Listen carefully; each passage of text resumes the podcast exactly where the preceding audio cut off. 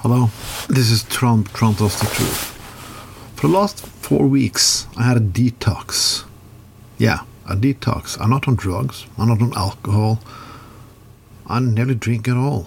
But I had a detox of Facebook, social media.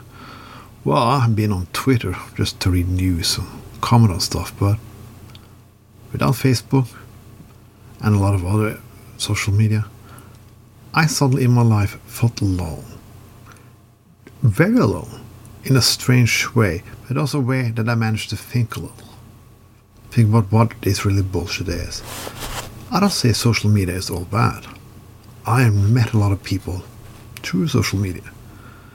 I of met a lot of people through Facebook. I engage in politics and so on. I met them in real life too. And I get contact with people from the past. That's been good to me.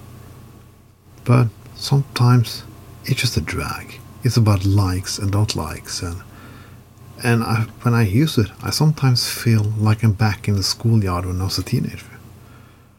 Alone, not many friends, and who was popular this week, who was popular that week. Well, we think teenagers are like that. We all like that. Politicians especially. For a few years ago, I was the guy that knew a guy in my party that people should like, so I got a lot of likes on things I did. But there was other people who was the new people guy and could give people something, and then he got a lot of likes and a lot of likes, and suddenly everything is about ass kissing. It's depressing. Social media has been the most depressing platform for me sometimes, but it's been a roller coaster of feelings too. For last week, I cut it off. I didn't check it when I wake up in the morning, not on my way to work when I see old people sitting on their buses with their phones.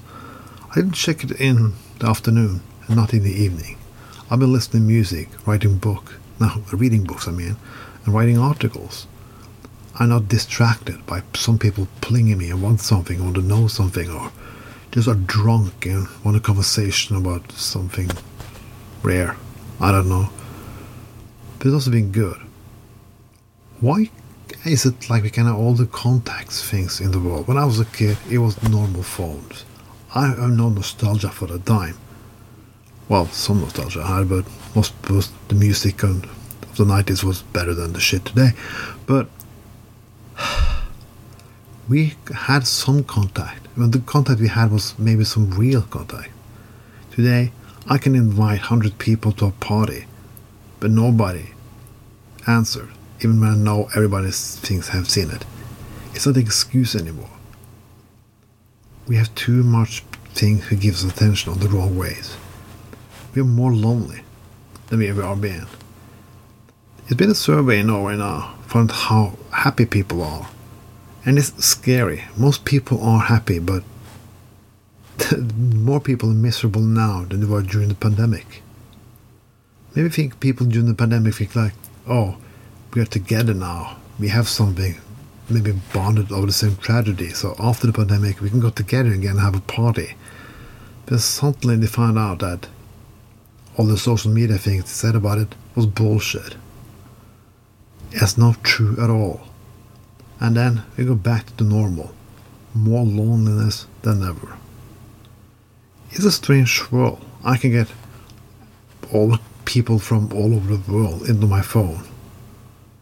But if you don't say the right sentences and being funny all the time, people lose very the patience and they ghost you. Never second chances. It's not like getting to be friends anymore. Every meeting you have with people is like a fucking audition. An audition goes every time you really have to meet people.